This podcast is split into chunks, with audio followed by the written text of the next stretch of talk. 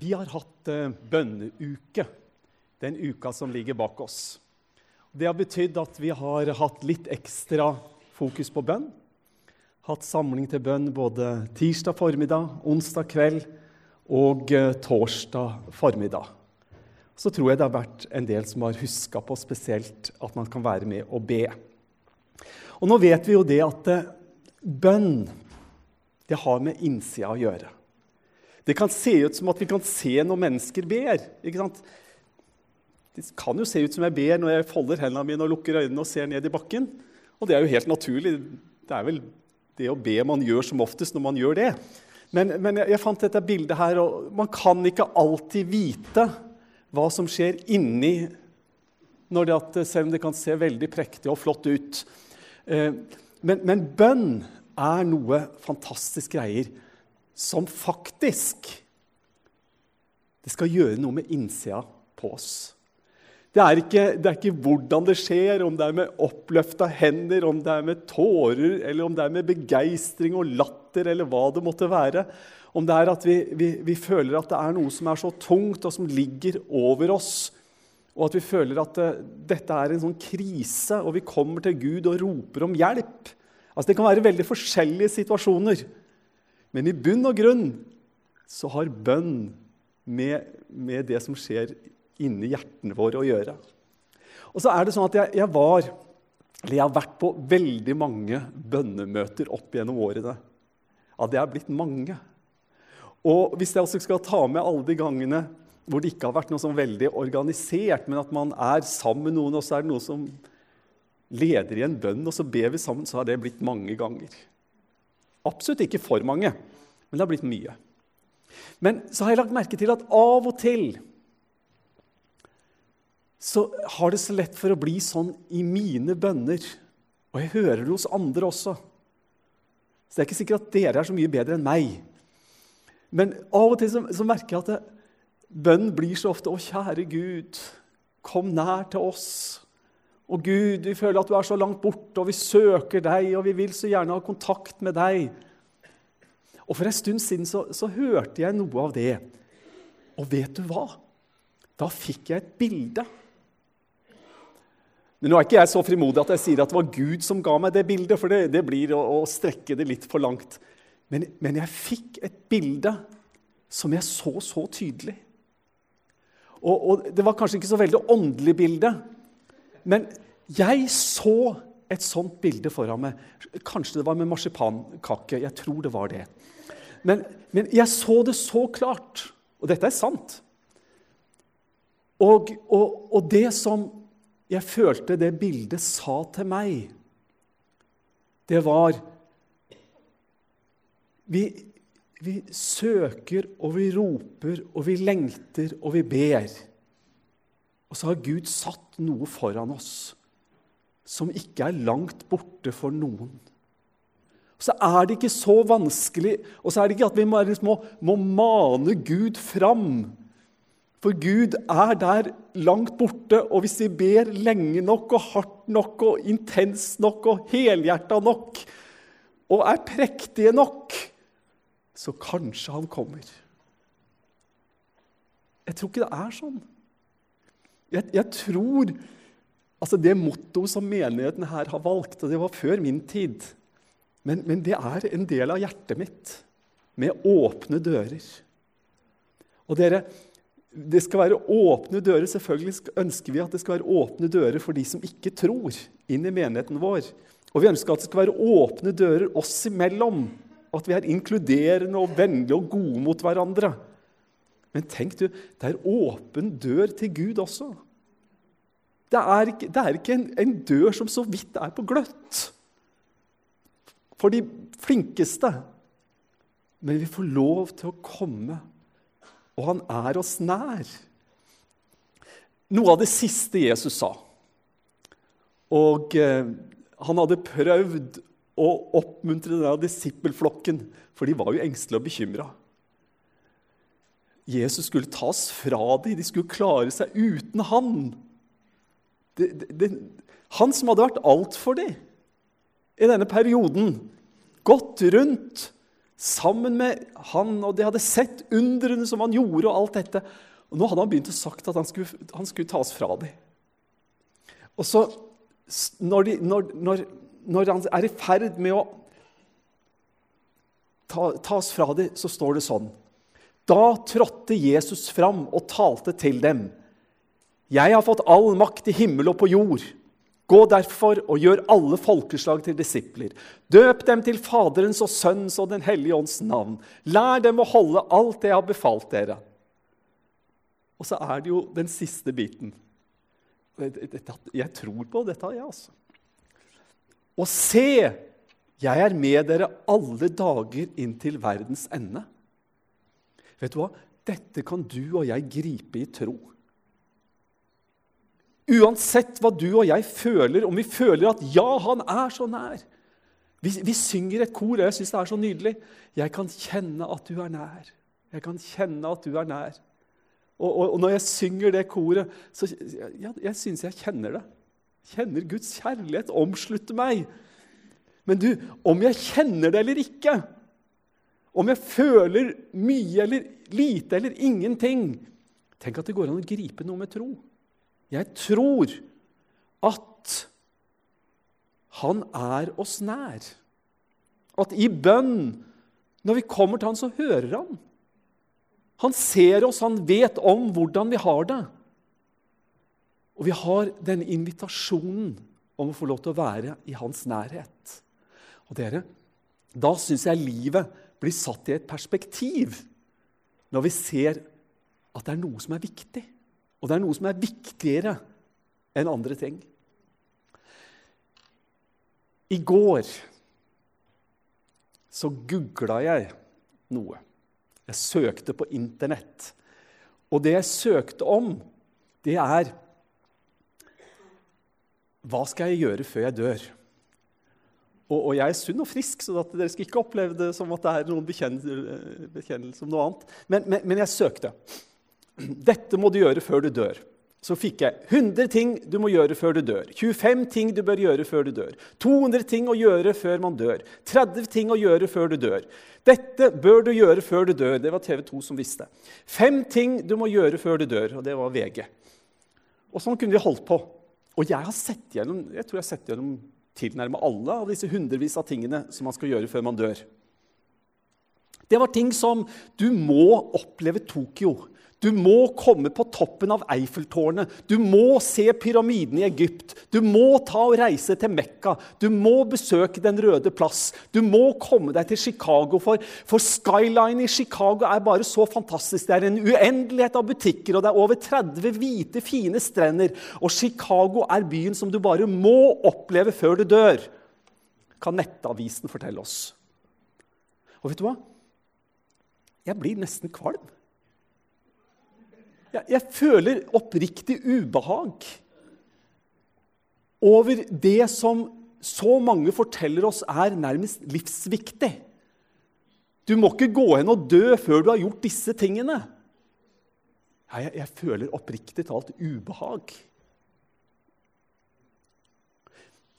Jeg kjenner en person som hadde et helt annet perspektiv på livet sitt enn dette er et tull og tøyset her.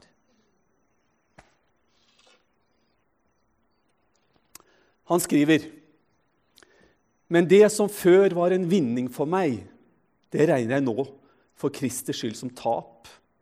Ja, jeg regner alt som tap, fordi det å kjenne Kristus, Jesus, min Herre, er så mye mer verdt. For Hans skyld har jeg tapt alt, og alt jeg har tapt, regner jeg som verdiløst skrap, bare jeg kan vinne Kristus. Da syns jeg plutselig livet blir så mye mer meningsfylt. Det står i ordspråkene Det er Agur, sønn av Jake, som sier dette. Han hadde også et annet mål enn å komme til flest mulig turistmagneter. To ting ber jeg deg om, nekt meg dem ikke før jeg dør. La falskhet og løgnens ord være langt borte fra meg. Gi meg ikke armod og heller ikke rikdom. La meg ete med tilmålte brød. Det tenkte han var viktig. Da snakka han om rikdom som ikke har ja, altså Den første delen, altså eh, La falskhet og løgnens ord være langt borte fra meg. Det er rikdom som har en annen verdi enn bare det materielle.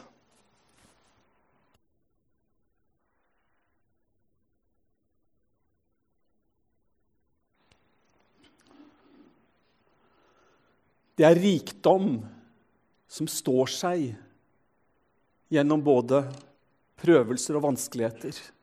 Og han var opptatt av rettferdighet. Gjøre det som var rett. David han forteller litt om hva som var viktig for han. Han det sånn, skriver det sånn i Salme 27. Én ting ber jeg Herren om. Dette ønsker jeg. Det var ikke å reise til Paris eller Mekka eller hva det var. Å få bo i Herrens hus alle mine dager, så jeg kan se Herrens skjønnhet og være i Hans tempel. Det var det han ønska seg. Og Det er som han sier, at det er noe jeg ikke må gå glipp av. Og det er å få lov til å være i Guds nærhet. For Guds nærhet er oppnåelig. Det er mulig å få lov til å være i Guds nærhet. Han er ikke langt, langt borte. Men han er tett nær hver eneste en av oss. Og David han sier, 'La meg få være der og få bo i Herrens hus, så jeg kan se Herrens skjønnhet.' Herrens hus, om det var tabernakelet med helligdommen og det aller helligste, om det var tempelet som hadde med seg de samme symbolene og den samme forkynnelsen. Og når de ikke lenger hadde verken tabernakel eller noe tempel, så taler Jesus til sine tilhørere om Guds nærhet allikevel. Og han sier, 'I min fars hus er det mange rom'. Var det ikke slik, hadde jeg, da hadde jeg sagt dere at jeg Var det ikke slik, hadde jeg da sagt dere at jeg går og vil gjøre i stand et sted for dere. Og når jeg har gått og gjort i stand et sted for dere, vil jeg komme tilbake og ta dere til meg, så dere skal være der jeg er. Altså uansett om den boligen er et tabernakel ute i ørkenen eller et tempel i Jerusalem, eller om det er himmelens herlighet, så peker det alltid fram mot én ting. Og det han taler om, det er at å være i Guds hus, det er å være i Guds nærhet. Han er ikke langt, langt der borte, men han er tett hos oss. Og så sier Jesus når han ser på alt som foregår Eller rett og slett, han sa når han så alt som foregikk i tempelet, og hvor langt borte gudstjenestene var fra Guds tilbedelsen, så sier han, 'Mitt hus skal kalles et bønnens hus'. Det vil han. Mitt hus det skal kalles et bønnens hus. For der skal hans nærvær åpenbare seg. Og da er det ikke sånn at vi må gjøre alskens rariteter. Men vi får lov til å ta imot av hans nærvær og gripe det ved tro, om vi føler det ene eller det andre. Tilbake igjen til David det David på en måte hadde bestemt seg for. Én ting ber jeg Herren om. Dette ønsker jeg. Å få bo i Herrens hus alle mine dager, så jeg kan se Herrens skjønnhet og være i Hans tempel. Herrens skjønnhet. Se Herrens skjønnhet. Å få oppleve å være i Guds hus, som skal være et bønnens hus. Å se Hans skjønnhet da kan vi ikke bare begrense Guds hus til et geografisk sted. Da har det noe med Den hellige ånds nærvær, ja, Han som har tatt bolig i oss, som bor ved troen i våre hjerter. Og dere, tenk Du som sitter her, du og jeg, som har tatt imot Jesus, vi er et tempel for Den hellige ånd. Jeg er en helligdom. Det er sikkert stort for oss alle sammen, men for meg er det så ufattelig stort. Jeg blir aldri lei av å forundres, og jeg tror jeg blir alltid inspirert. Og jeg tror jeg blir alltid grepet på en måte av å tenke at Gud vil bo i meg. Og jeg vet det er ikke noen liten ting. Du, vi får lov til å være et tempel for Gud. Og da kan vi ikke gå rundt og leite etter han. Da kan vi ikke tenke sånn 'Å, han er så langt borte'. Og du, å se skjønnheten Det er jo det David sier.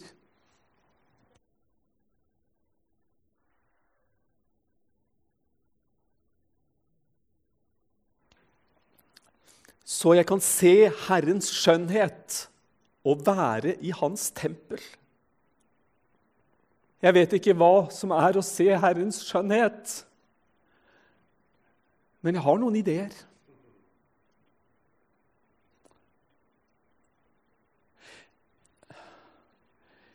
Sa jeg deg ikke at hvis du tror, skal du se Guds herlighet? Sa Jesus og Maria og Martha, som hadde opplevd hvordan sorgen fylte hele deres tilværelse. Og så får de en opplevelse av Jesu nærvær. Og så blir det en mektig gudsdemonstrasjon når Lasarus blir kalt ut til live. Og jeg syns jeg ser Guds skjønnhet. Jeg syns jeg ser det når jeg leser fortellingen om den såkalte fortapte sønn, som slett ikke føler at han er så vellykka, som slett ikke føler at alt har lyktes. Og han kommer gående hjem og har ingen tanker om at han noen gang skal kunne bli sønn i huset igjen. Han har forspilt alt sammen. Og når faren kommer han i møte og legger armene omkring han, så syns jeg jeg ser Guds skjønnhet så syns jeg at jeg ser det vakreste som tenkes kan. At Guds nåde får omfavne mennesker, og at mennesker blir gjenoppretta, tilgitt, satt inn der hvor de hører til, nemlig som Guds arvinger og Kristi medarvinger. Det er det vakreste jeg kan tenke meg. Eller om du tenker deg mennesker som kommer bærende med så tunge byrder at de fullstendig knuges ned. Og få høre Jesus si, 'Kom til meg, dere som strever og har tungt å bære. Jeg vil gi dere hvile.' Da syns jeg Guds skjønnhet blir åpenbart så tydelig. Og uansett hva de måtte føle i hele den prosessen, så omsluttes de av Guds nåde og Guds kjærlighet. Bønn det er å være i Guds nærvær. Det er å ha dette fellesskapet med den levende og allmektige Gud. Du, Paulus han, han forteller oss litt om den nærheten som han får lov til å ha. Og Da virker det ikke som at han er nødt til å tigge og tigge og tigge. Men det virker som at han, han bare få lov til å erfare og oppleve. I natt så hadde Gerd Anne og jeg besøk av de to barnebarna våre. Eller det vil si, De kom jo da på kvelden, naturlig nok, men de overnatta hos farmor og farfar. Johanne hun lå inne i, i dobbeltsenga sammen med Gerd Anne, og jeg lå på kontoret. Og så, hadde en madrass der. Vi hadde andre gjester også. Og så, så, var det en madrass der som, som Henrik lå på. Og så våkna han på natta og så sa han, 'Farfar, jeg er tørst.' Og da sa jeg, 'Du snakker ikke sånn til din farfar.' Legg deg ned på kne og si, O store, kjære farfar, kan du hente noe vann sånn at jeg kan leske mine lepper, for jeg er så tørst, du store, herlige, kjærlige Ja. Jeg sa ikke at han måtte gjøre det sånn. Jeg sa, 'Ja, selvfølgelig, Henrik. Bare vent her, så skal jeg hente et glass vann til deg.' Selvfølgelig! Hva slags gudsbilde har vi? Hvis vi tror at vi må tigge og tigge og tigge når, når, jeg som er så langt fra ufullkommen Så langt fra fullkommen Unnskyld.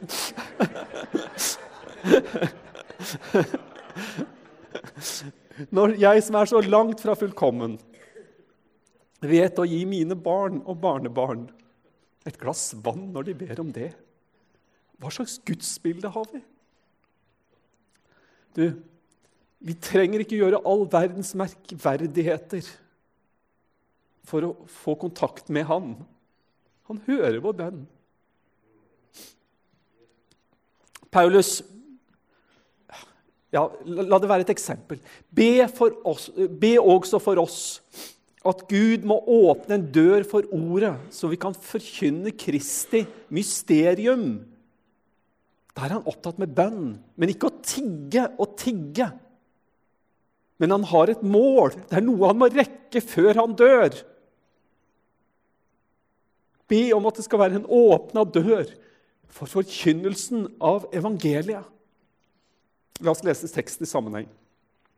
Vær vedholdende i bønnen, så dere våker i den med takk til Gud. Be også for oss at Gud må åpne en dør for ordet, så vi kan forkynne Kristi mysterium. For det er for dets skyld jeg er i lenker. Be om at jeg kan, om at jeg kan åpenbare det ved å tale som jeg bør. Omgås i visdom med dem som er utenfor. Kjøpe den lagelige tid. La deres tale alltid være vennlig men krydret med salt, så dere vet hvordan dere skal svare enhver. Paulus han skriver ifra fengsel. Og hvis det at jeg hadde bedt be om at det skal være en åpen dør, så hadde det vært nærliggende å tenke på fengselsdøra la meg komme meg ut i frihet. Men han hadde noe langt viktigere med livet sitt. Han hadde et helt annet mål.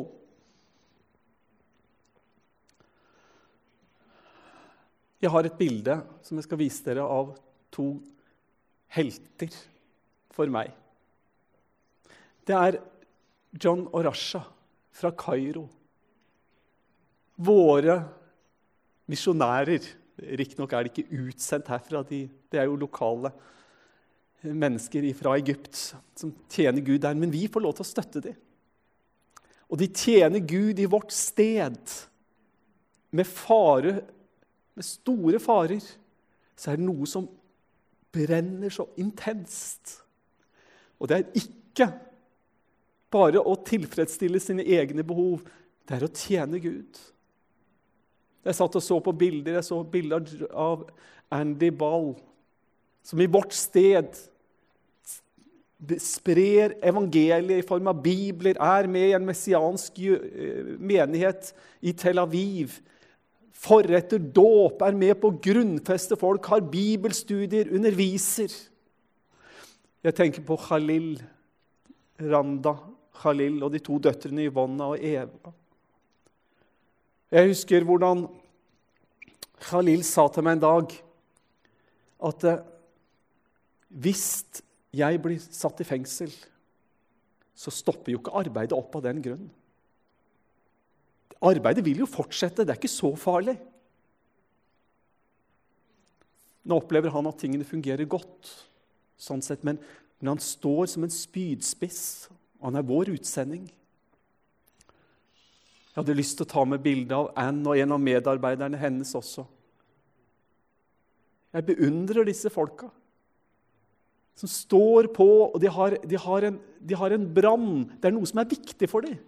Jeg kunne nevnt eller tatt mange, mange, mange, mange flere bilder. Men du, bønnen som de som er så selvsentrert ber det er vel noe sånn som at Kjære Gud, la meg ha det bra og velsign meg, og la meg få alt det jeg trenger, og i overflod, sånn at jeg aldri skal trenge å ha en vond dag. Og så er det noen som ber annerledes. Jeg, jeg, tror nok jeg ber en del sånn som jeg nå siterte, så jeg skal ikke gjøre meg bedre enn det. Men jeg har et annet mål egentlig med bønnene mine. Men for meg selv akter jeg ikke livet mitt et ord verdt, når jeg bare kan fullende mitt løp og den tjeneste som jeg fikk av Herren Jesus, og vitne om Guds nådes evangelium. Og jeg syns det blir så stor forskjell på de to fokuspunktene. Jeg, jeg syns jeg blir småkvalm når jeg leser den lista som jeg nevnte. Der det er bare hva jeg, skal, hva jeg skal få, hva jeg skal få, hva jeg skal få. Og så har vi en annen ting. Det er at vi kan få lov til å komme til Guds nærhet. At vi kan få lov til å flytte oppmerksomheten vår til bare det vi skal nyte. Til at vi får lov til å tjene Han, være rettferdig, gjøre det som er rett. Vennlighet, godhet. Kjenne at han er ikke langt borte. Kjære Herre Jesus. Hjelp oss til å gripe dette med tro, at du er ikke langt borte fra oss. Og Herre, nå vil jeg be deg spesielt om det er noen her inne denne formiddagen som synes det er så vanskelig å tro at du virkelig er nær. Som føler kanskje at ja, de føler seg fordømt. De føler at ikke de er gode nok, at ikke du vil ha noe med de å gjøre. Og jeg ber deg, Herre, la hver eneste en som er her inne denne formiddagen, oppleve dine allmektige, kjærlighetsfulle armer omkring seg. La hver eneste en vite at du er ikke langt borte, og du drar deg ikke bort fra noen. Du har sagt vi får lov til å komme til deg. Og Jesus, Kast meg aldri bort. Ta ikke Din Hellige Ånd fra meg. Så takker jeg deg, Herre, for det vet vi at du ikke vil. Du vil ikke gjøre det med meg, og du vil ikke gjøre det mot noen andre. Nei, nei og atter et nei. Jesus har aldri sagt nei. Velsign oss og bevare oss. La ditt ansikt lyse over oss og være oss nådig. Løft du ditt åsyn på oss og gi oss fred. Amen.